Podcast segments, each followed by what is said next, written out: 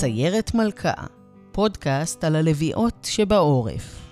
היו אלף פעמים שיכולתי להישבר במהלך התקופה הזאתי, וכזה להרים ידיים ולהגיד לא ממשיכה, לא ממשיכה, אני פרשתי, לא ממשיכה. אבל הילדים הם, הם נותנים לך את הכוח להגיד החיים חזקים מהכל. ואת צריכה לקום בבוקר וללכת לישון ולטפל בשבילם. ובסוף זה מה ששומר אותה חיה. גם הפעולות, אבל בעיקר גם ה... הקרבול בלילה, הרגעים המתוקים האלה שאת כזה אומרת, בסוף אלה החיים, ובעיקר כשאת עומדת מול מוות והאכזריות והכאב והאובדן, ואת אומרת, אני לא צריכה כלום, יש לי את זה, זה הכי בעולם. זה החיים. זהו, זה הבית. זה הבית. השקע הקטן השמנמן הזה של הצוואר, זה הבית. לגמרי. אני איתך. היי לכם ולכן כל האנשים והנשים שבחזית ובעורף, אתם ואתן מאזינים ומאזינות לסיירת מלכה, פודקאסט על הלוויות שבעורף. אני לילך כהן דונשיק, אשת מילואימניק שגרה עם ארבעה ילדים בחדר במלון, יועצת בתחום הלמידה לארגונים, ובימים אלה עושה פודקאסט עלינו, הלוויות האלופות שבעורף, שמתמודדות עם מלא מלא על הראש ועל הלב. היום אני מראיינת את מיכל ברקאי ברודי, יזמת לקידום נשים. מיכל, מוזמנת להוסיף וגם לספר על עצמך. באחד השידורים שלי בטלוויזיה בחודש האחרון קראו לי מיכל ברקאי ברודי, בעלה נמצא במילואים. אז אה, כבר אה, זה שדרוג. אני גם יזמת אה, סדרתית לקידום נשים, הקמתי את מכינת עלמה למנהיגות נשית, את ה sisterhood, תוכנית הלוויות של ירושלים, הרבה תוכניות uh, אחרות לקידום נשים. אני מרצה בישראל ובעולם, uh, כשהעולם מעוניין לשמוע אותנו, קצת פחות עכשיו. אני אימא לשני ילדים, ועוד אחד כזה עוד רגע מצטרף בעזרת השם. אשתו שלי אני. אה, ירושלמית בלב, תל אביבית ב-DNA, אבל uh, אני בטים ירושלים, חד משמעית. לא יאומן שהיית פעם תל אביבית, באמת, אני... מיכל ואני הכרנו עוד בימי מסע ישראלי, שזה אי שם לפני הרבה שנים, אני לא יודעת להגיד אפילו כמה, ואני שמחה ש... שהיום כבר לא מגדירים אותך אה, בעלה נמצא במילואים, אבל תתני לנו לצורך הסיפור הזה איפה הבן זוג שלך משרת, או שירת במקרה שלנו, נכון? כן, אז אני בעצם חזר לפני כמה ימים, אבל אני מרגישה שאנחנו עדיין עוד ממש בתוך התקופה הזאת, וגם שה... שהקול הזה הוא כבר לא רק הקול שלי. אז לכן אני עוד מעיזה להשמיע אותו, גם כשיניב כאילו חזר אה, לפני כמה ימים. הוא אה, בעצם משרת באיתור נעדרים. גרסה הרשמית היא שהוא ג'ובניק שלא נכנס. גרסה הפחות רשמית היא שהוא לא תמיד כזה ג'ובניק, והוא כן נכנס. אני תמיד אומרת שכאילו כשהוא היה בן 36 אז הוא היה לוחם בגולני, ואז הוא אמר לי, מה את אומרת שאני אהיה ג'ובניק, ואני, אבל אז אני עושה מילואים עד גיל 60. אמרתי לו, גם עד גיל 80. מה הבעיה? כאילו, מה התפקיד? איתור נעדרים? כמה נעדרים כבר יש בישראל? בקיצור, לא לבקש ממני טיפים. זאת הייתה העצה הכי גרועה, ו... אה, וגם uh, הכי נוראית, כי מי יכל לדמיין לאיזה מציאות אנחנו נגיע. Uh, וזהו, בעצם יניב התגייס בשביעי לעשירי, 12 בצהריים. והיינו כזה עם אזעקות והכל בבית שלנו בירושלים, שהוא גם לא גרים בו עכשיו כי אין בו מקלט והוא כאילו לא היה אפשרי עבורנו. וממש יש את הרגע הזה שכאילו אני רואה את המפקד שלו, שם של המפקד על המסך, ואני מתה להעיף את הטלפון ואומרת, יאו. אי אפשר, זהו, זה מגיע, זה קורה. אה, נראה לי שכל אשת אה, צו שמונה כזה אולי מזהה את הרגע הזה, נכון? שאת בין... כן, אני, אני, סירה, אני שאלתי אותו, תגיד, אה, דיברו איתך מהמילואים? הוא אמר לי, כן. האמת? לא האמנתי לו. וזה היה, זה היה מוקדם, זה היה... זה, אני, כן, יש דיבורים וזה, אני כזה, כן, כן. כאילו, לא לא האמנתי לו, לא... זה, יש דיבורים כזה, אז הרשיתי לעצמי להמשיך איכשהו... מה הוא עושה במילואים? הוא מפקד בגדסר אלכסנדרוני. וואי. שהם נמצאים בצפון. כן. עד עכשיו. בקור ובגשם ש... שקורה פה בחוץ, מחוץ לחלון. כן, אז כן, אז יש את הרגע הזה בשבעה באוקטובר, ש... את עוד uh, מייחלת לזה שזה לא נכון ושזה לא, לא מה שקורה. וגם לא יכולנו לדמיין, לילך, כאילו, מי יכל לדמיין? אמרתי לה, אני ואין לנו מקלט, עכשיו ברגע זה התחילו אזעקות, עכשיו אנחנו אורזים בגדים, כי אני לא נשארת עם שני ילדים קטנים ובהיריון בלי מקלט. וניס... חברים, כמה ימים, ונחזור הביתה, זה היה ברור, אבל אף אחת לא יכלה לדמיין בכלל, כאילו, את הסיטואציה, את ההיקף, את הגודל. ברור, אבל לאן נסעתם? לאן עברת? ש... ואת אומרת 12 בצהריים. נסענו לחברים, נסענו לחברים אה, שגרים במבשרת, שיש להם ממ"ד בבית. זה היה שדרוג. והם היו מתוקים ומהממים, אבל יש להם שתי ילדות גדולות, ולי יש שני ילדים פיצים, וכל היום הייתי צריכה לרוץ לבדוק שהילדים שלי לא עושים את הבית. אה, ואחר כך עברנו לחברה אחרת, ואז עברנו, אה, היינו לילה בבית שלנו כי יניב היה איתנו, ואז אה, מצאו לי איזה דירת Airbnb כזאת, שמישהו, איזה מתווך נתן לי במחיר סמלי, ואז עברנו לבית של חברים, וכל הזמן רק רציתי לחזור לשכונה שלי, לבית הכרם, כי מה שקרה בשכונה שלי זה האם אימא של ה sisterhood, זה באמת משהו מאוד מאוד חזק, כאילו קמה קהילה מאוד מאוד מאוד חזקה, שהקימה אותה דנה מילר, ועוד נשים מדהימות, ו... היא קמה לאחר המלחמה או עוד לפני? היא בעצם, בעצם כאילו זאת שכונה מאוד קהילתית, אז יש המון קבוצות של מאמות בית הכרם מכל מיני סוגים, וחוץ מזה דנה, דנה ונוגה ושירי וצופית בעצם הקימו, הם, הקימו קבוצת וואטסאפ של מאמות חזקות ביחד, אה, שזה גם נשות צו שמונה וגם אמהות יחידניות וגם נשים, אה, אה, נשות קבע, שכאילו אחר כך אולי נדבר על ה... על ההתגייסות ההדדית שלנו אחת למאבקה של השנייה ו, אמ, ו, והקבוצה הזאת כאילו הפכה להיות איזשהו עוגן מאוד גדול. צריך לדעת, אני הבעלים והמייסדת של רשת ה sisterhood, שזה רשת מדהימה שבעצם מייצרת שבט אמיתי של נשים בחיים האמיתיים, והקבוצות שלנו מאוד מאוד רצות, כאילו זה קבוצות וואטסאפ כאלה, ו... הן מאוד מאוד נוכחות בפן הרגשי, אבל בסוף בפן התפעולי של בית שיש בו ילדים קטנים, יש משהו מאוד מאוד חזק שיש לך את השכנות שלך שגרות סביבך ו... ורואות אותך ואת רואה אותן ופעם בשבוע לאורך כל המלחמה כאילו השבוע הפסקתי כי אני חזר אבל הייתי מקבלת דפיקה בדלת להבדיל דפיקה טובה בדלת. להבדיל בשישי בצהריים, ואישה שאני לא מכירה הייתה עומדת שם אה, או עם חלה, או עם עוגה, או עם ארוחת שישי, ו... וככה כל המלחמה. והייתי צריכה לעבור... מדהים לעטוף את עצמך בדבר כזה. זה פשוט דבר מדהים, זה הריפוי הכי גדול שיש בעולם. אומרים ש... it takes a village, נכון? שצריך כפר כדי לגדל ילד, אז צריך צריך קהילה כדי לגדל אישה במלחמה. ואל מול הקהילה שלנו של ה-200 נשים במלחמה, יש קהילה של כ-200 נשים וגברים שהם המעטפת שלנו בשכונה, שזה דבר ממש ממש חזק. כאילו אני צריכה נכון. ספה, אני צריכה מקרר, אני צר... לא משנה מה אני צריכה, כאילו הוא חלק מהמשאבים שיש בשכונה ומהתחושה של השותפות.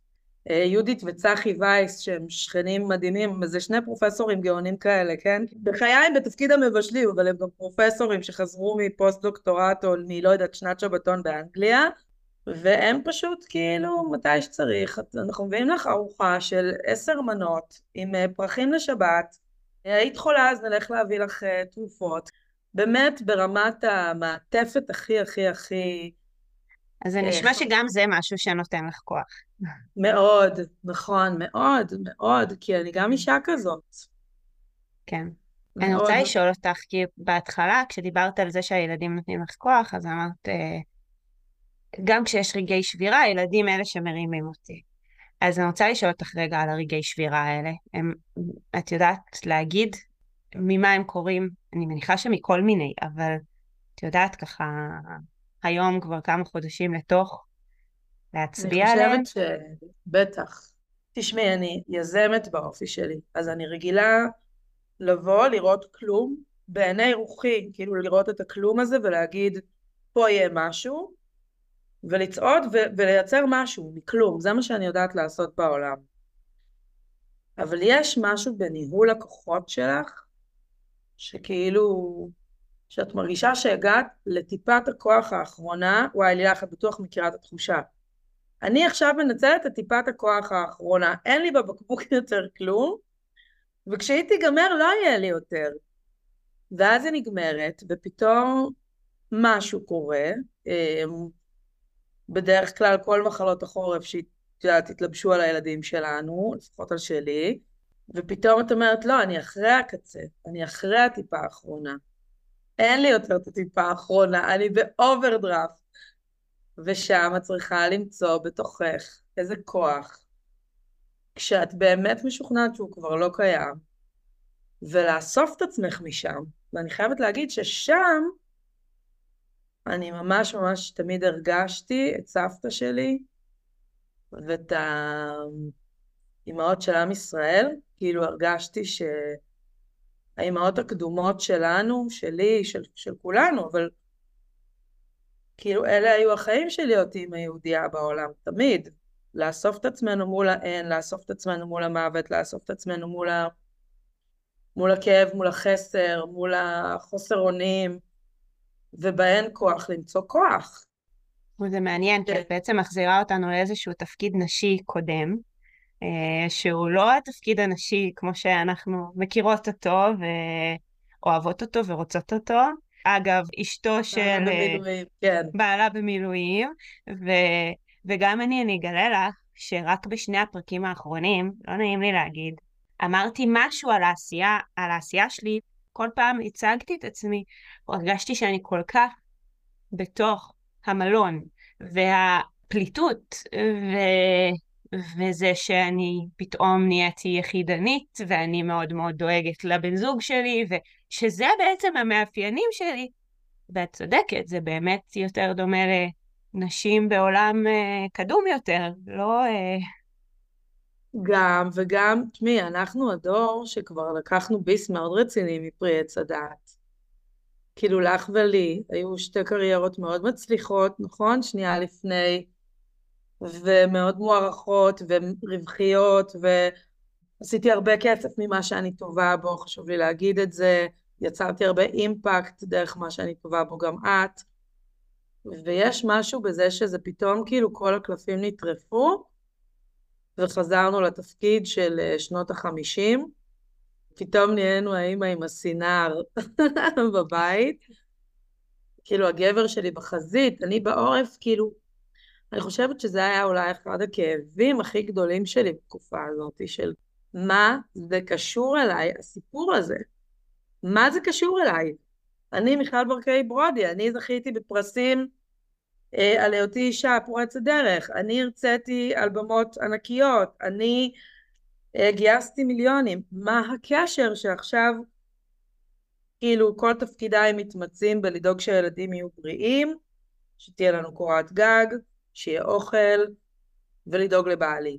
כאילו מה זה קשור? מה זה קשור אליי? התפקיד הזה זה לא קשור אליי. ובפמיניזם הרבה פעמים אומרים... בעצם... אה, אז, אז תכף נגיע לזה, אבל אני אגיד ש, שכאילו אחת, אחת האמירות בפמיניזם זה האישי הוא הפוליטי.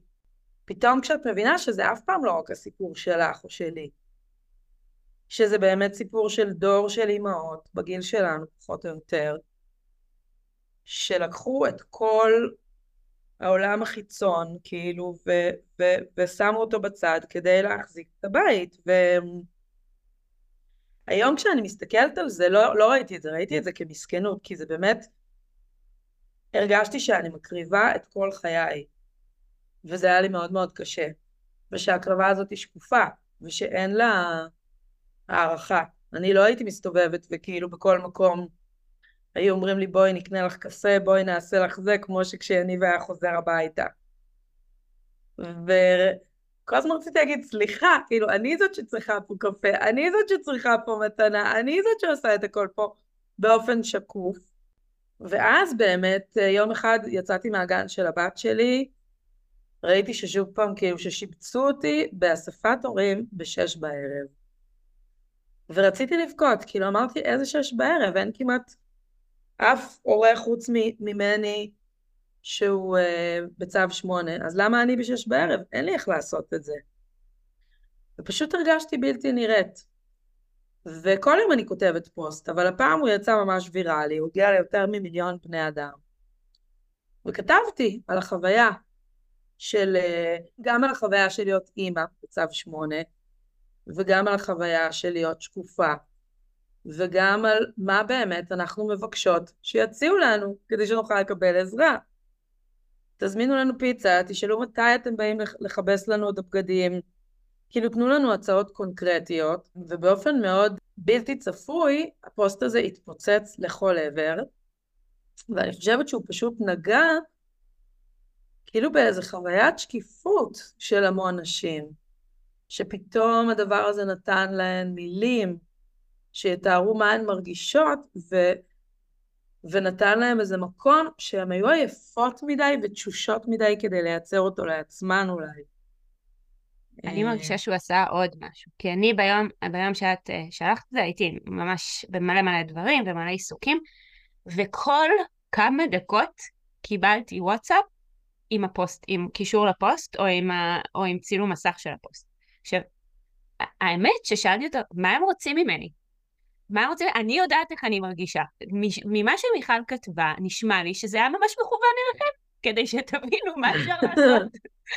אז, אז, אז אני חושבת שהפוסט הזה היה, הייתה לו, הוא, הוא נגע, אני חושבת, ב, ב, אולי באמת ב, שיקף את איך אנחנו מרגישות, אבל גם עזר לאנשים אחרים להבין איך אפשר לעזור לנו, איך, אה, אה, מה הכאבים שלנו ואיך אפשר לעזור לנו, וזה... כן, אני חושבת שהרבה פעמים זה גם, את יודעת, גם בדיאלוג זוגי. מה לא ברור?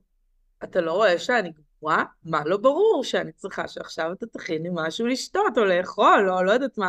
אבל זה לא ברור לו, הרי זה ידוע שזה לא ברור, נכון? ואולי יש משהו בפשוט לפשט לפשט את הדברים ולהסביר. תעשו אחת, שתיים, שלוש, ארבע. אני, רק אגיד שמאות נשים כתבו לי, את לא מאמינה, פתאום בגן של הילדים התייחסו אליי, פתאום במשפחה הציעו לי, פתאום ככה וככה. פתאום קרה משהו, ונפתחו שערי שמיים, ואני, שהרגשתי בלתי נראית, פתאום הייתי נראית. וזה היה הדבר הכי מספק. אני חושבת, מיכל, שגם היה צריך טיימינג לפוסט הזה. כי גם אם היית כותבת אותו כמה שבועות לפני כן, אני מרגישה שהיה קשה להביע שנייה איזשהו כאב וקושי, כי היו המון דברים כואבים וקשים הרבה הרבה יותר. הרבה יותר. ו... ולא היה מקום, לנו לא היה מקום נוח לבכות על משהו, כאילו, מה, יש לי את הילדים שלי לחבק ולנשק בלילה. אמ, ותודה לאל שזה ככה. ממש. והיה את כל הכבוד והערכה למילואימניקים שבאמת מגיע להם, כי הם באמת עזבו את הכל, אז לקח זמן להיות פנויים לשמוע עוד כאב של מישהו, או שוני בחייו של מישהו. מעניין, ממש. יש משהו בזה שכשאנחנו נשים יוצרות, עושה פודקאסט, או כותבות, כאילו אנחנו אוהבות לכתוב, ולה... את תמיד צריכה איזה ברכה. כדי שלמשהו יהיה הד. צריכה שתהיה עליו ברכה, כאילו זה לא כישרון שלנו לבד. זה צריך להיות עם עוד איזה השגחה, ברכה, משהו כאילו צריך לבוא כדי לעטוף את זה, כדי ש... ש... שתמצאי את המילים הנכונות, כדי שאנשים יקראו אותך נכון, וכדי שזה יבוא בזמן הנכון. אמ, וגם אז, חשוב לי להגיד, כאילו מיד אחרי זה התחילו להגיע המון המון המון אה, הזמנות, בואי תתראייני ברדיו, ובואי לטלוויזיה, ובואי לפה, והלכתי לכל מקום. בהתחלה כי הרגשתי שזה באמת לא המילים שלי. כלומר, שזה לא, שהמילים שלי נתנו מילים לחוויות של אלפי נשים אחרות.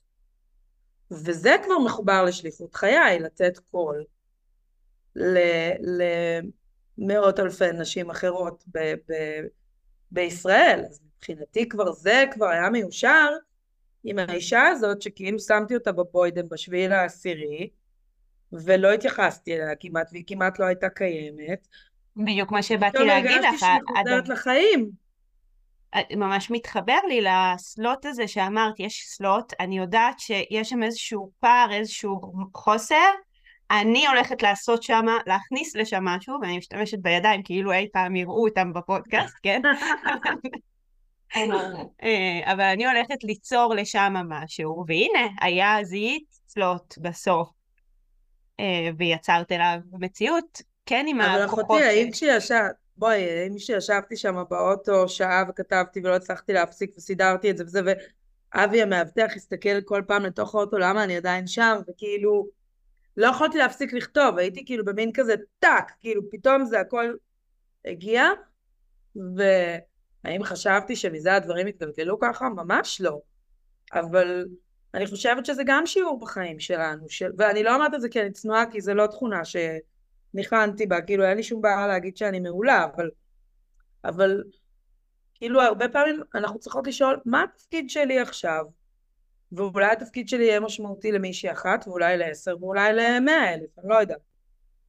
מה התפקיד שלי עכשיו ברגע הזה? ופתאום אני חושבת שהמתנה הכי גדולה שניתנה לי שם, זו הזכות להביא אה, את הקול הזה של כל כך הרבה נשים למרכז הבמה. זה אחד הרגעים הכי מדהימים שהיו, בדיוק הכנסתי את זה להרצאה הבאה שלי, ש... של שבוע הבא, אה, זה שבאתי להתראיין אצל אה, נסלי ברדה ויואב לימור בחדשות 12, ובסוף הראיון יואב אומר לי, תשמעי מיכל, את מאוד מרשימה, אנחנו צריכים שיותר נשים כמוך יהיו בפאנל. אה, בתוכנית שלנו. ואז אמרתי, אתה תקרא לי לצו שמונה לפאנל, ואני אגיע לפאנל מתי שאתה תקרא לי.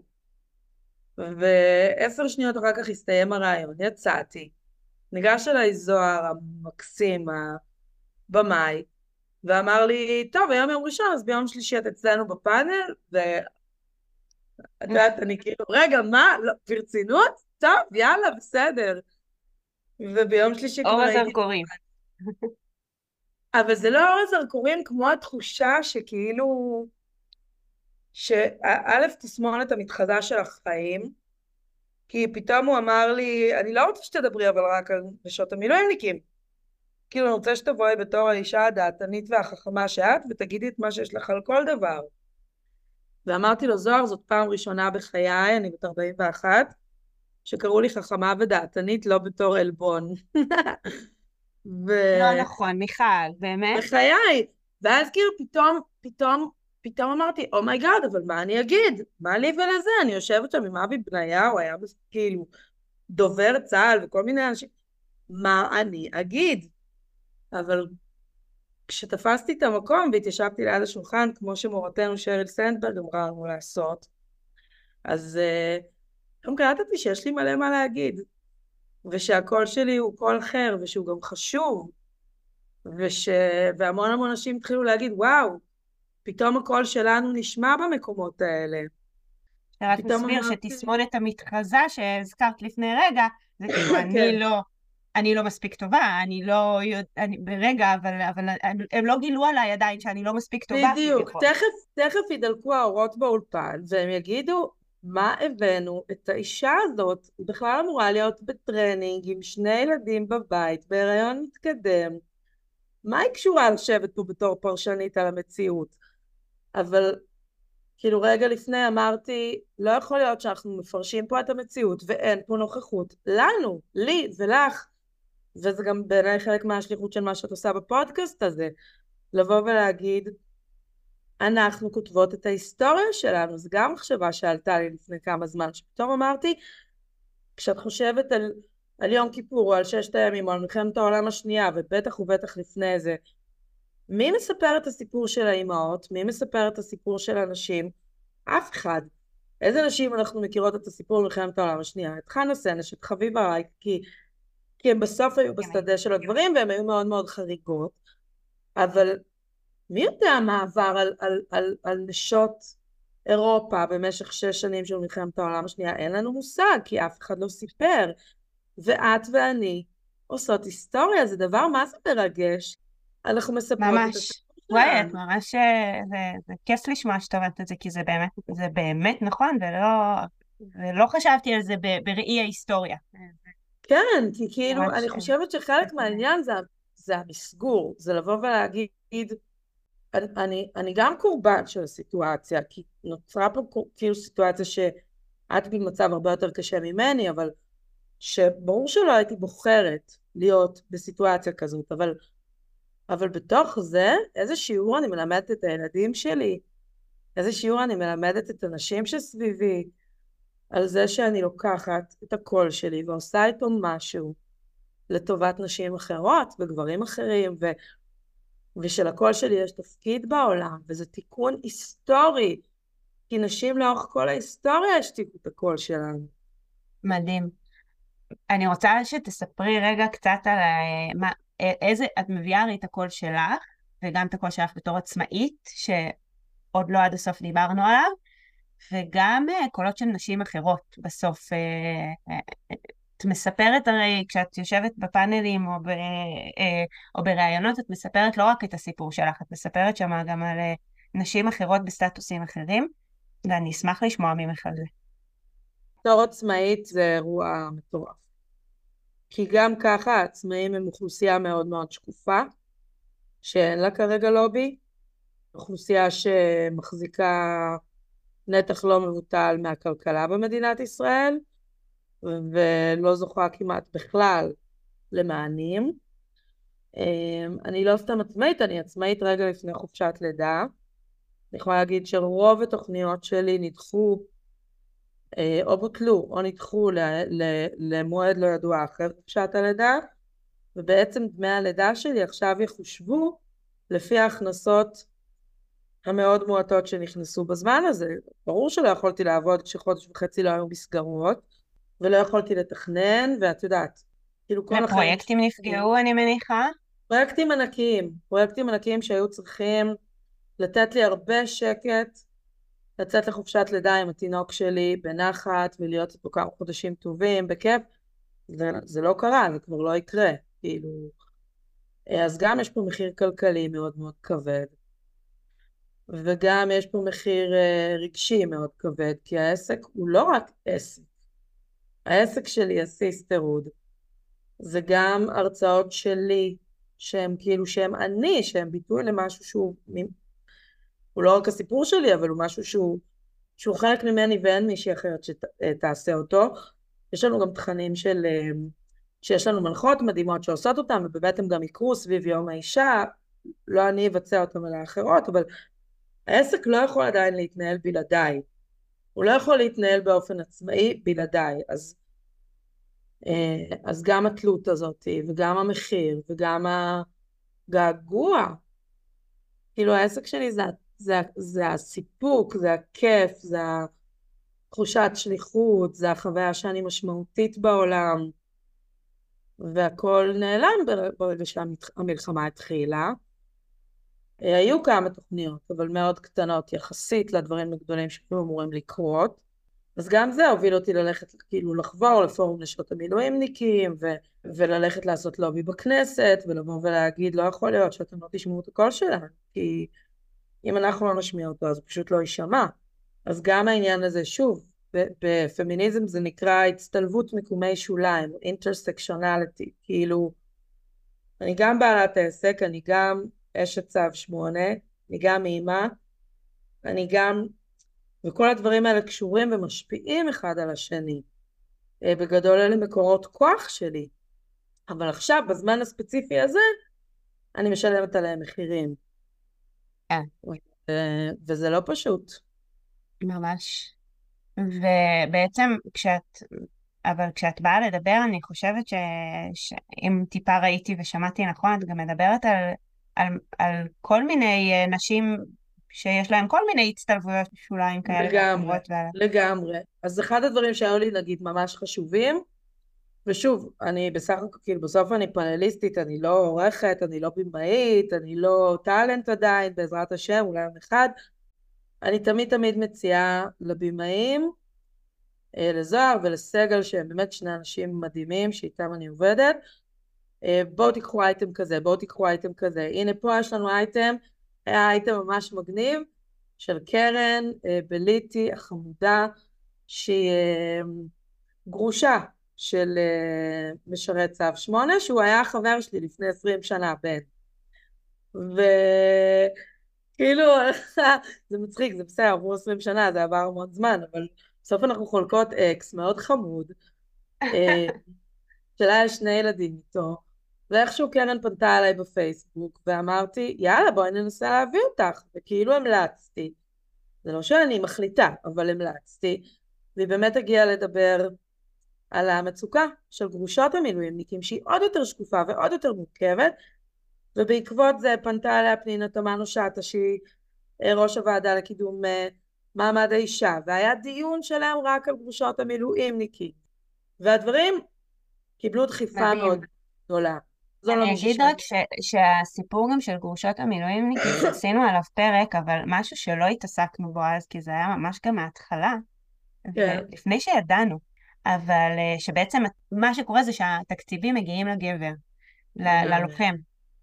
ואז אה, מי שלא בקשר אה, טוב עם בן הזוג שלה, לא יכולה לא לקבל שקל מכל הדבר הזה, והיא בעצם גם הקריבה הרבה מחייה בתקופה הזאת, כמו שכולנו יודעים. מה זה ו... הרבה? הרבה מאוד, היא מגדלת לבד ילדים. עכשיו, באמת, ברגע שקרן יכלה לדבר בטלוויזיה, למה? כי היא ובן ביחסים מצוינים, וזה עבר, אבל את יודעת, אם היא נמצאת במערכת יחסים, חס ושלום, לא קרן, מישהי אחרת, נמצאת במערכת יחסים אלימה לא עליה, נמצאת אה, בגירושים מאוד מכוערים שקורים המון, אז היא לא יכולה לדבר, היא חשופה לתביעות, היא כאילו היא נמצאת בבעיה, הכסף בכלל לא נכנס אליה לחשבון, זה גם דברים שהם לא בעיה, לא בעיה לפתור אותם, אבל כל עוד אנחנו לא יושבות סביב שולחן קבלת ההחלטות, והקול שלנו לא נשמע סביב שולחן קבלת ההחלטות, ההחלטות לא מתקבלות לטובתנו, צריך להבין את זה. עכשיו, לאו דווקא כי מישהו רוצה לפגוע בנו, אלא כי מי בכלל יודע שיש סוגיה כזאת? נכון. מי בכלל יודע? כאילו הייתה אצלנו מישהי מהממת, דוקטור אה, אמנדה, אני לא זוכרת את השם המשפחה שלה, בלניאדו, רופאת נשים. מסיימת עכשיו את ההתמחות שלה, בעלה בצו שמונה. היא מספרת שהיא כאילו בגדול איזה שלושה חודשים כמעט לא ישנה בלילות, כי היא תמרנה בין המשמרות שהן מטורפות אה, בתור רופאת נשים, לבין זה שהילדים שלה בבית. ואז היא בסוף הראיון אומרת לנו, אה, עכשיו אני אצטרך ל- לראות מה אני אעשה, כי אם אני לא אעבור את המבחן, אני אצטרך לעשות עוד שנה של התמחות. ויואב לימור אומר לה, אבל למה שלא יהיה לך מועד ב'? ואמרתי לו, יואב, כי אין שם אף אחד שייצג את הקול שלה. ובאמת, העלינו את הנושא הזה, ושבועיים אחר כך היא כתבה לי, את לא מאמינה, ישבו לנו מועד ב'. וואו. עכשיו, אלה לא דברים גדולים, אלה לא דברים גדולים, בסך הכל צריך שמישהו ישמע אותך, ושיהיה לו את ה-common sense ואת ה... באמת את ה...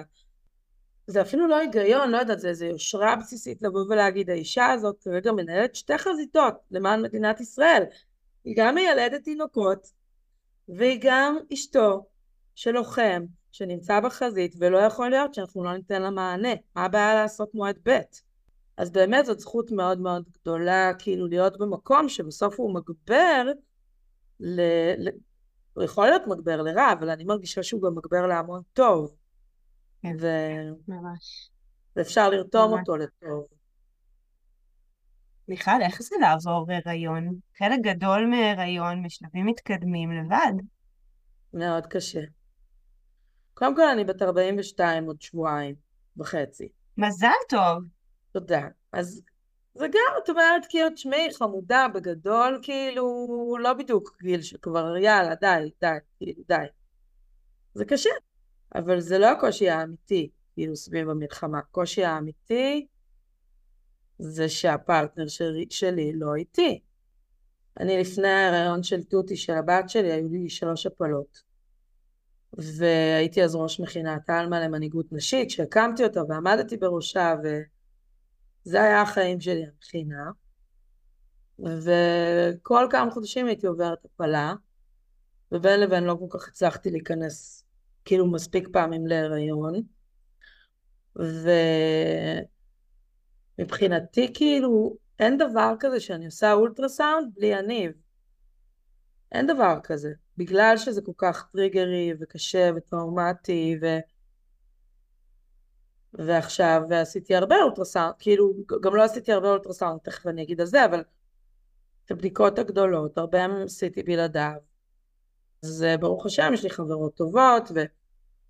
אבל שכבתי שם בסקירה השנייה, ומיכל אה, טלל חברתי הטובה אה, ללידות, החזיקה לי את היד, ופשוט שכבתי ובכיתי. את יודעת, גם ברקע, כל סיפורי המוות האלה, כאילו את פתאום רואה חיים. הדיסוננס הזה הוא בלתי נתפס. אה, חיילים מתים, וכל כך הרבה סיפורים של תינוקות ואימהות, וכל המוות הזה, ופתאום את רואה את החיים בתוכך, ו... וגם זה שבסוף זה לא התינוק שלי רק, זה התינוק שלי ושל יניב. ויניב לא שם.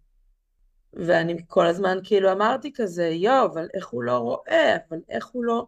תמיד כל כך מתרגש, וגם, את יודעת, יש לך ארבעה ילדים, גברים הם לא מקדישים את העובר ברחם, כאילו זאת הדרך שלהם להתחבר.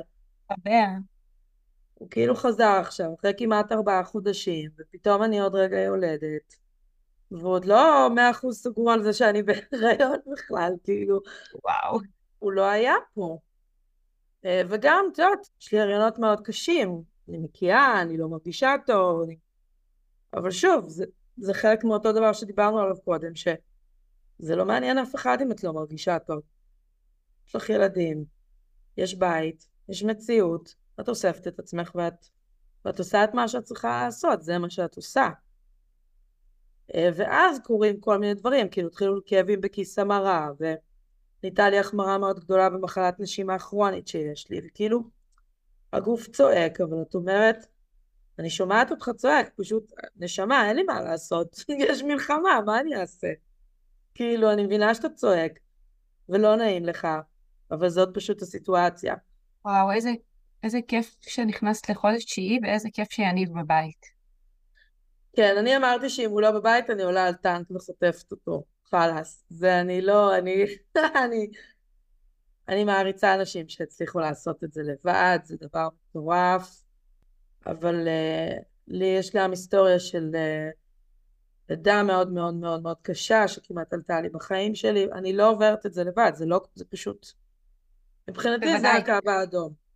זה פשוט בשבילי, לא בשביל אחרות, אבל אני הרגשתי שלאור העובדה שבעלי הוא לא סמג"ד או פת, כאילו בסוף הוא בתפקיד שמישהו אחר גם יכול להיות, לחפות עליו, אין, אין תרחיש שאני יולדת בלעדיו, אין תרחיש כזה, זה לא נכון לגבי כולן, יש נשים אמיצות ומדהימות שעושות את זה, וגם צריך להזכיר אותן, את נשות הקבע, נכון, גם להם היה פרק איתך, אבל כאילו, אלה החיים, אלה החיים שלנו. דרך אגב, גם שם המלצתי ודחפתי שהם יבואו להתראיין גם אצלנו, וזה גם קרה כמה פעמים, והן ממש עשו בחירה להתחתן עם הצבא ולעשות את הדבר הזה, והבחירה הזאת הפכה להיות קיצונית באופן מאוד מאוד מאוד אה, דרמטי. במהלך המלחמה אף אחת מהן לא חשבה שככה יראו החיים שלה. ממש לא. אה, כן. קרה פה משהו מאוד מאוד קיצוני. אז uh, זה פשוט מטורף, זה כאילו, תראי כמה אנחנו, אפשר לדבר בלי, סוף, בלי סוף על מה שקורה לאנשים בזמן הזה, וגם בא לי להניח עוד משהו, ש... שגם עברנו טראומה קולקטיבית, כולנו. האנשים, האחיות שלנו ש... שנאנסו וש... וש... ושהושחתו ושהושפלו, ועדיין, עדיין חטופות. זה בשר מבשרנו, זה...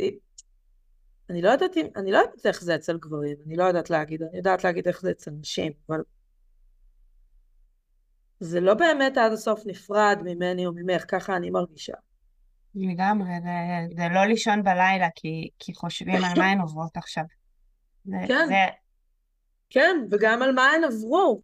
אני, ברוך השם, לא, לא הכרתי מקרוב אף אחד שנפגע בשביעי לעשירי, ותמר קדם סימן טוב, שהייתה אימא לשלושה ילדים, נשואה לג'וני, ופשוט נכנסה לי ללב. כאילו, אמרתי, האישה הזאת הייתה צריכה להיות חברה שלי, זה פשוט תקלה שהיא לא.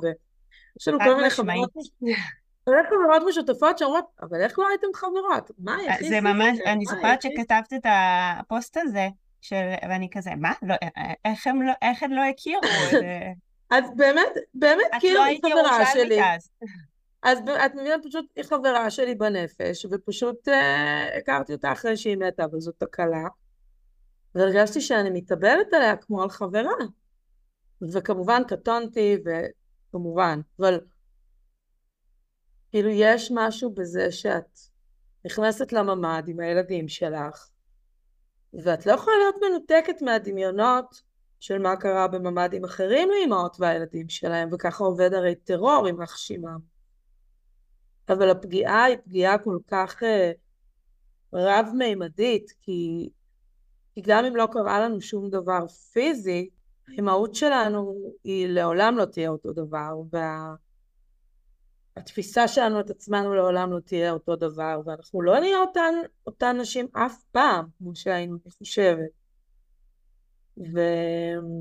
חד משמעית, אני לא חושבת שאפשר, ואם הזכרת את תמר, אני חייבת להגיד שהיא באמת, הייתה חניכה שלי כשהיא הייתה בכיתה ח', והיא באמת הייתה אור מופלא בעולם, ורואים שכל המשפחה שלה הייתה אור. ממש. אור גדול. אולי נקדיש את הפרק לזכרה, וואי, יש לי צמרמורת. יאו, אפשר לחלוטין לעשות את זה. אנחנו מקדישות אותו לזכרך, תמר קדם סימן טוב. ולזכר כל המשפחה שלך, שלך גם את ג'וני. ממש, והילדים, כן. אני רוצה אבל אה, לסיים את הפרק בנימה חיובית, ולהגיד כן. לך שתהיה לידה קלה ובידיים מלאות, ואנחנו מחכים כבר לשמוע, מחכות לשמוע על, ה, על הגוזל הקטן ש, שיתווסף לעולם, שיעשה עוד, שיוסיף עוד אור לעולם הזה. אמן, אמן, אמן. יואו, איך אמרה, איך אמרנו השעה כל כך מהר? איזה כיף היה לנו, לילך. מזל שהסתכלתי על השעון. אה, אחרת היינו ממשיכות פה בשיחות, בשיחות שלנו. אה. ולהגיד לך גם תודה על העשייה ועל השמעת או צעקת הקול שלנו אה, במדינה שלנו, שצריכה קצת ניעור לפעמים כדי שישמעו את הקול הנשי. תודה גם לעדי גוטמן שעורכת באהבה, תודה לכן ולכם על ההאזנה. בתפילה לימים שקטים. אני רוצה להגיד תודה לך. אני רוצה להגיד תודה לך, לילך, שה... באמת, לשבת בחדר כשאת אימא והבן זוג שלך בחזית ויש לך ארבעה ילדים, בתוך הדבר הזה למצוא את הקול של כולנו. זאת שליחות עצומה, זאת שליחות היסטורית וזה תיקון עולם ו... ובאמת אני רוצה להגיד לך תודה, תודה על הקול הזה, את באמת מלכה, באמת סיירת. מלכה, מה נגיד? אז uh, תודה על זה שאת מזכירה לכולנו את, ה... את האור שלנו, את הקול שלנו, את החשיבות והמשמעות שלנו, ו... ויאללה, שישובו בנים לגבולם וישובו בעלים לגבולם כבר, ושננצח את המלחמה הזאת, כי אין לנו ברירה אחרת. וואי, לגמרי, לגמרי. תודה, מיכל, ובתפילה לימים שקטים, להחזרת החטופים, ושובם באמת של כל החיילים בשלום.